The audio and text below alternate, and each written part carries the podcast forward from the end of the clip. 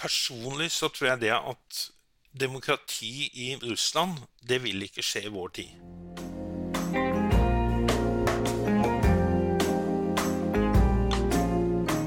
Søv Vladimir Putin trygt om nettene, trass i alt oppstyret rundt opposisjonspolitikeren Aleksej Navalnyj? Ja, mener Halvor Kjønn, som er med oss i denne episoden av Dag og Tid-podkasten. Vi ser nærmere på ei av sakene som står i avisa, og i dag skal vi prate om Navalnyj og opposisjonen, Putin og det politiske systemet i Russland. Velkommen, Halvor Kjønn. Du er journalist, historiker og forfatter, og fast skribent i Dag og Tid. Du har skrevet flere bøker om Russland, og har jobba som korrespondent i Moskva. Så da passer det jo bra at du er her, siden vi skal snakke om Russland i dag. Veldig kjekt å ha deg her. Takk. Putin sitter trygt ennå ei stund, skriver du i Dag og Tid. Mm. Selv om Aleksej Navalnyj klarer å mobilisere mange unge mennesker i gatene, er det langt fram før han kan ta kampen opp om makta i Russland. Mange har fått med seg at denne opposisjonspolitikeren, Aleksej Navalnyj, ble forgifta i august 2020 og sendt til Tyskland for behandling. Han overlevde og valgte å reise tilbake til Russland. Der ble han arrestert på flyplassen. Det er åpenbart at han representerer en trussel, men hva er det egentlig Navalnyj står for? Ja, det er ikke så lett å vite hva han egentlig står for, bortsett fra det at han er mot korrupsjon. For det at han har jo stått for veldig mange ulike ting.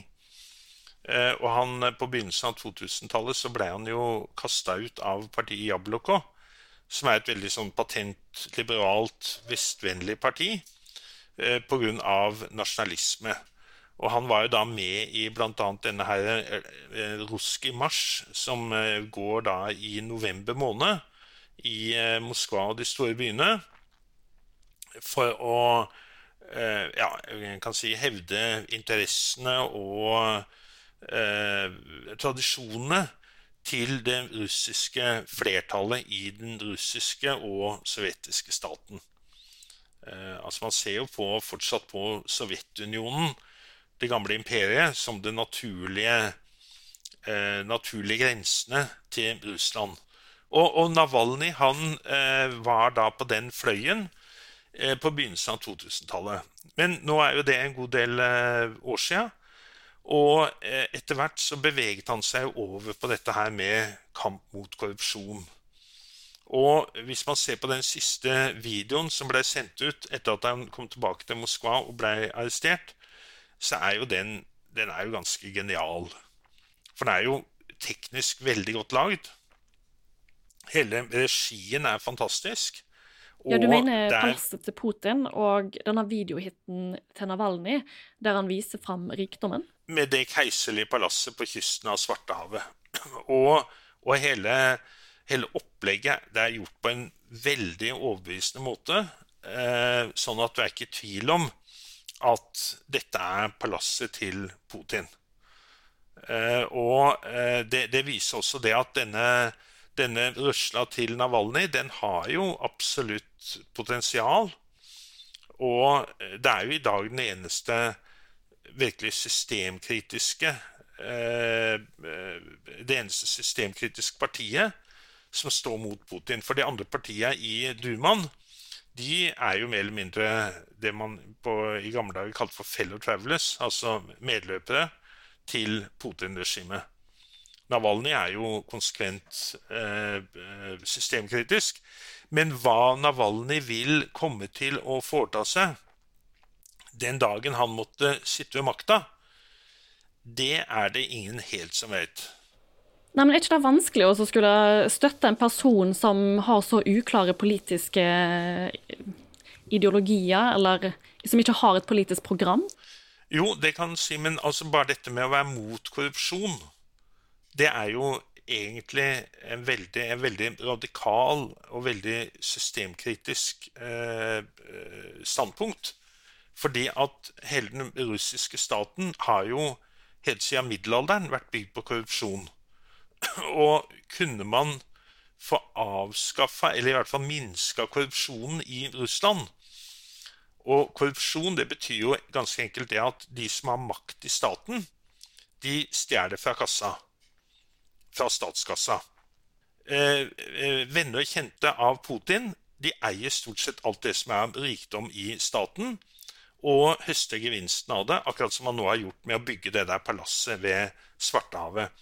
Så, og, og, dette er på en måte hva staten handler om. Det at det sitter ei lita gruppe ved makta og eh, da melker overskuddet av staten. Og kan en få avskaffa dette, så vil det i seg sjøl bety en revolusjon i Russland. Og det vil jo bety at uh, hele den russiske staten vil kunne fungere på en helt annen måte enn den gjør i dag. Ja, Det virker egentlig helt utenkelig i mine ører at det plutselig ikke skal være korrupsjon lenger i Russland.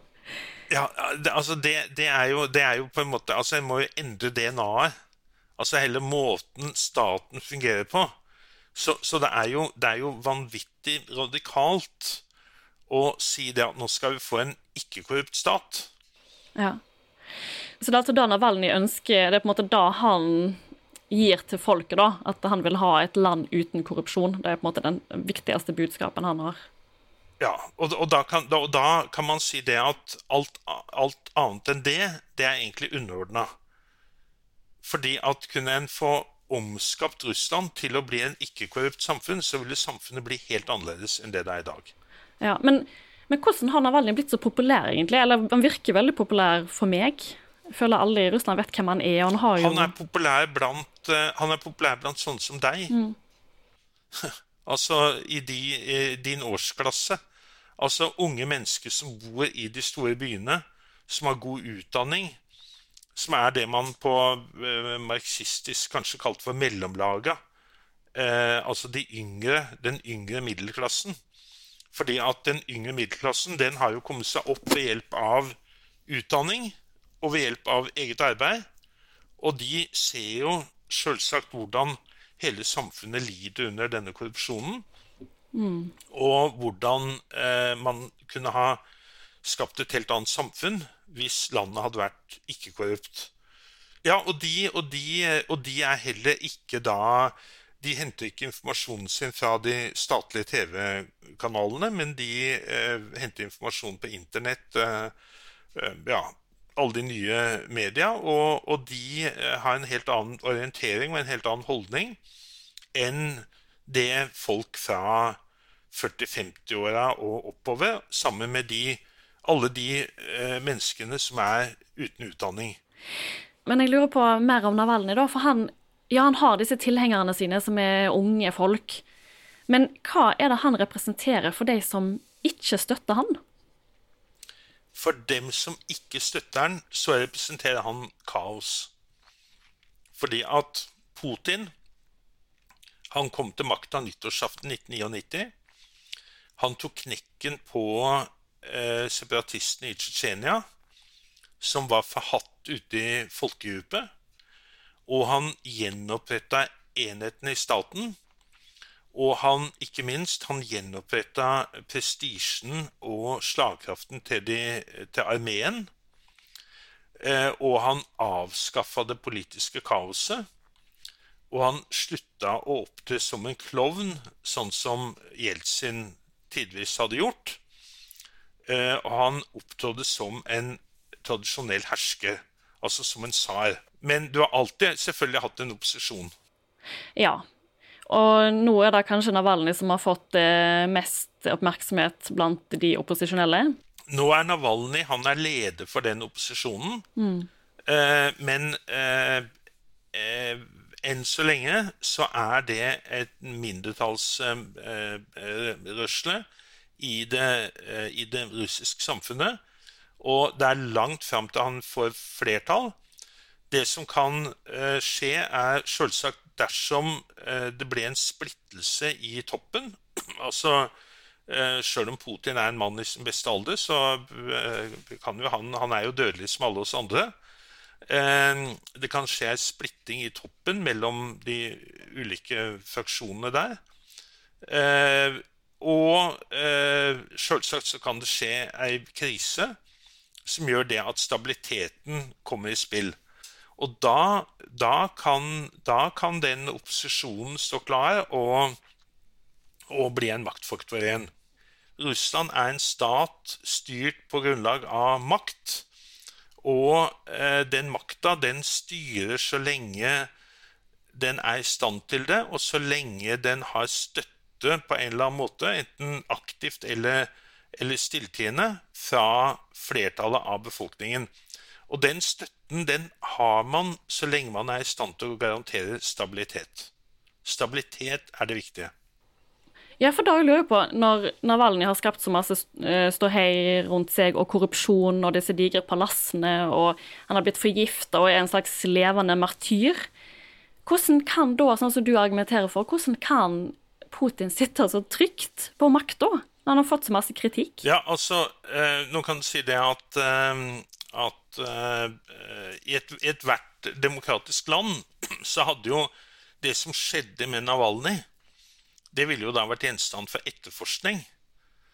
Og hvis det hadde vist seg at eh, E-tjenesten eller, eh, eller, PST da hos oss hadde vært involvert i å forsøke å forgifte La oss si f.eks. at PST i Norge forsøkte å forgifte Audun Lysbakken eller Bjørnar Moxnes i partiet Rødt Hvis det hadde skjedd i Norge, så hadde jo Erna i løpet av en halv dag vært ferdig.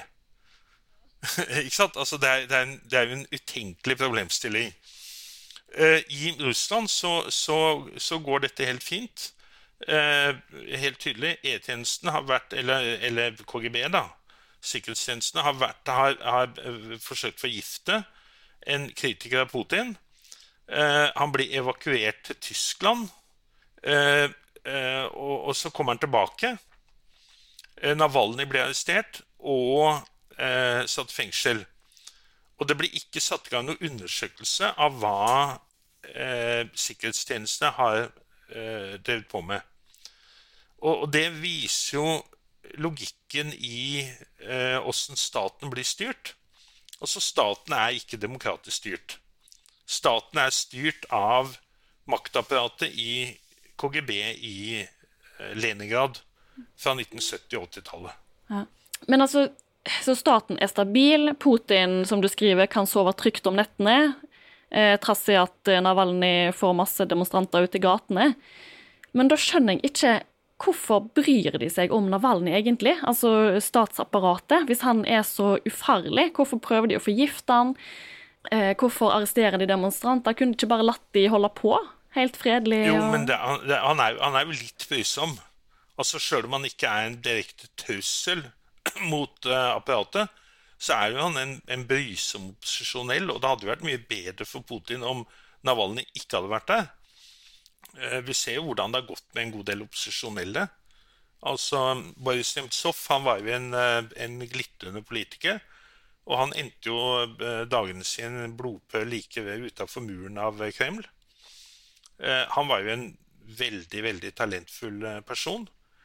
Eh, og, og, det er klart det at eh, det at man har en person som Navalny, det er jo et eh, det er jo, sånn, det er jo en veps som stikker i, i, i tåa til, til, Putin.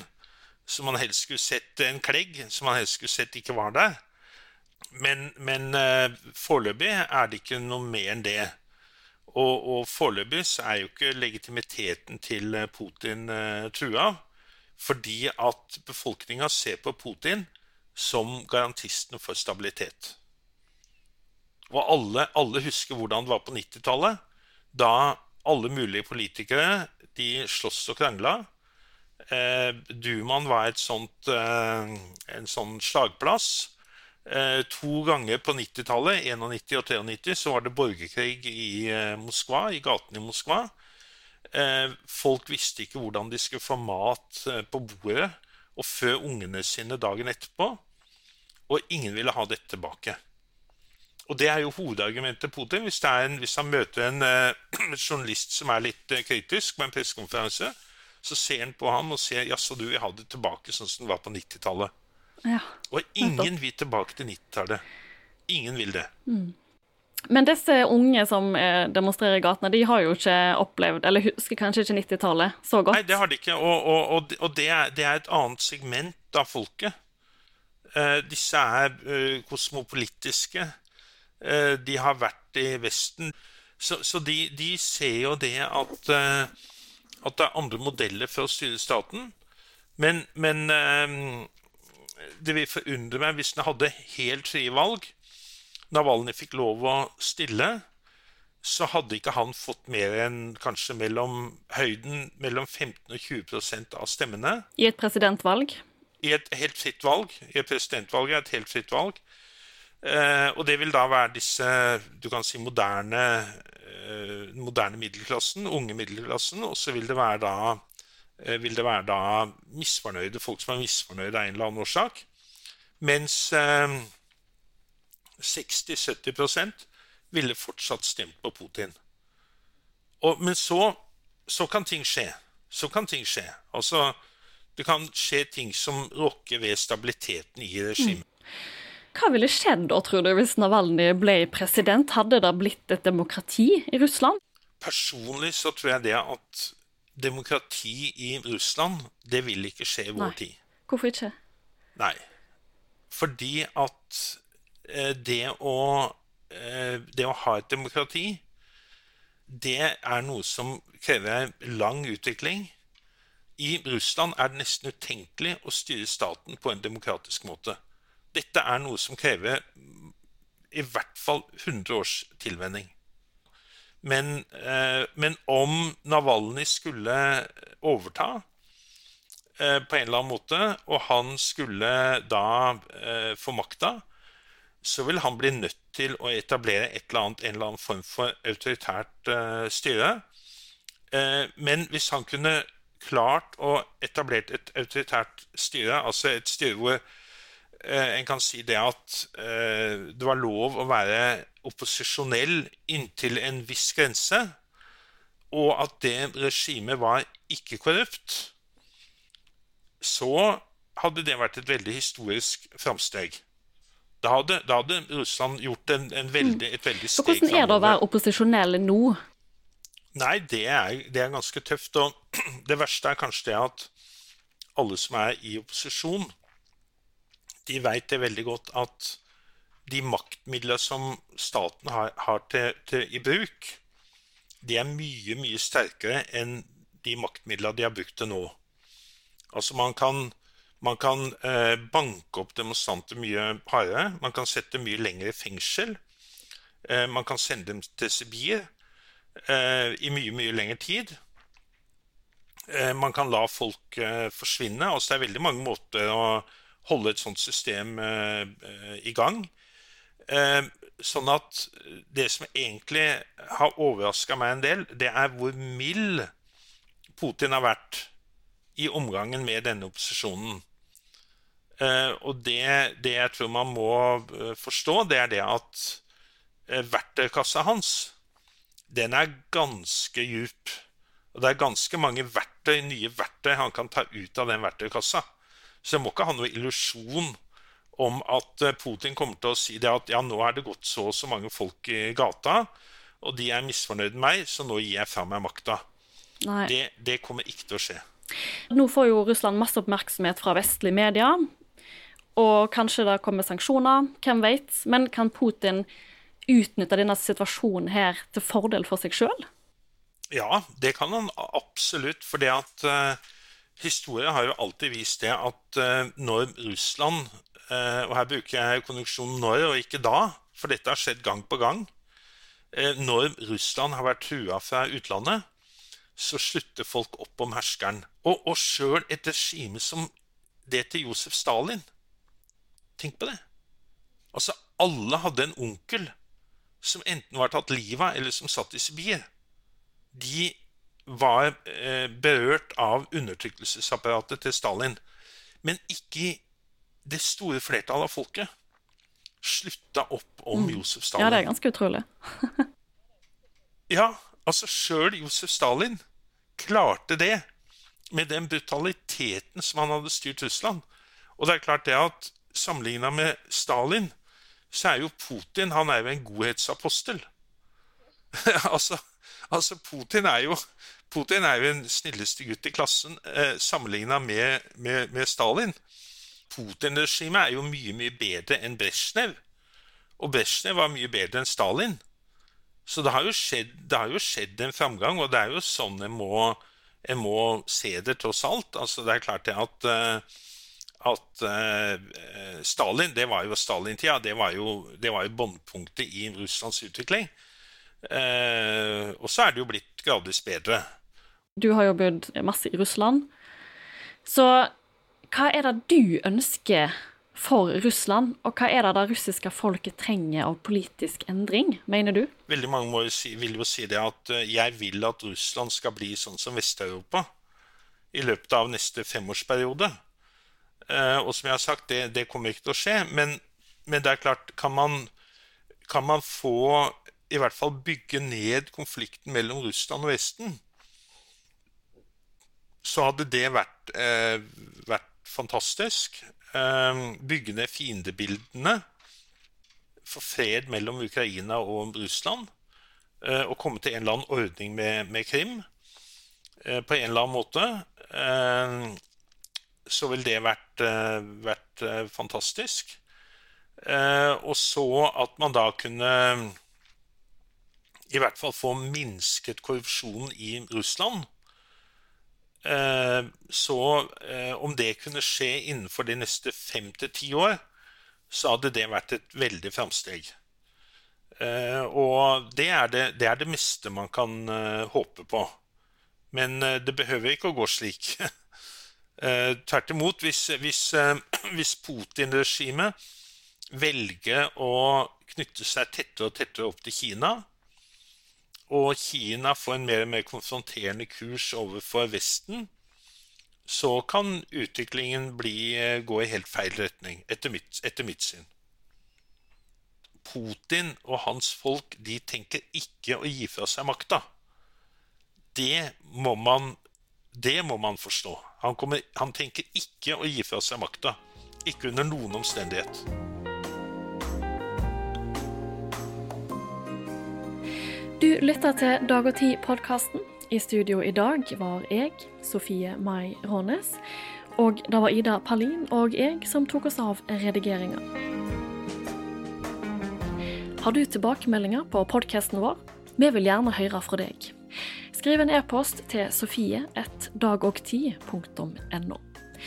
Vi er tilbake neste uke. Takk for at du lytta.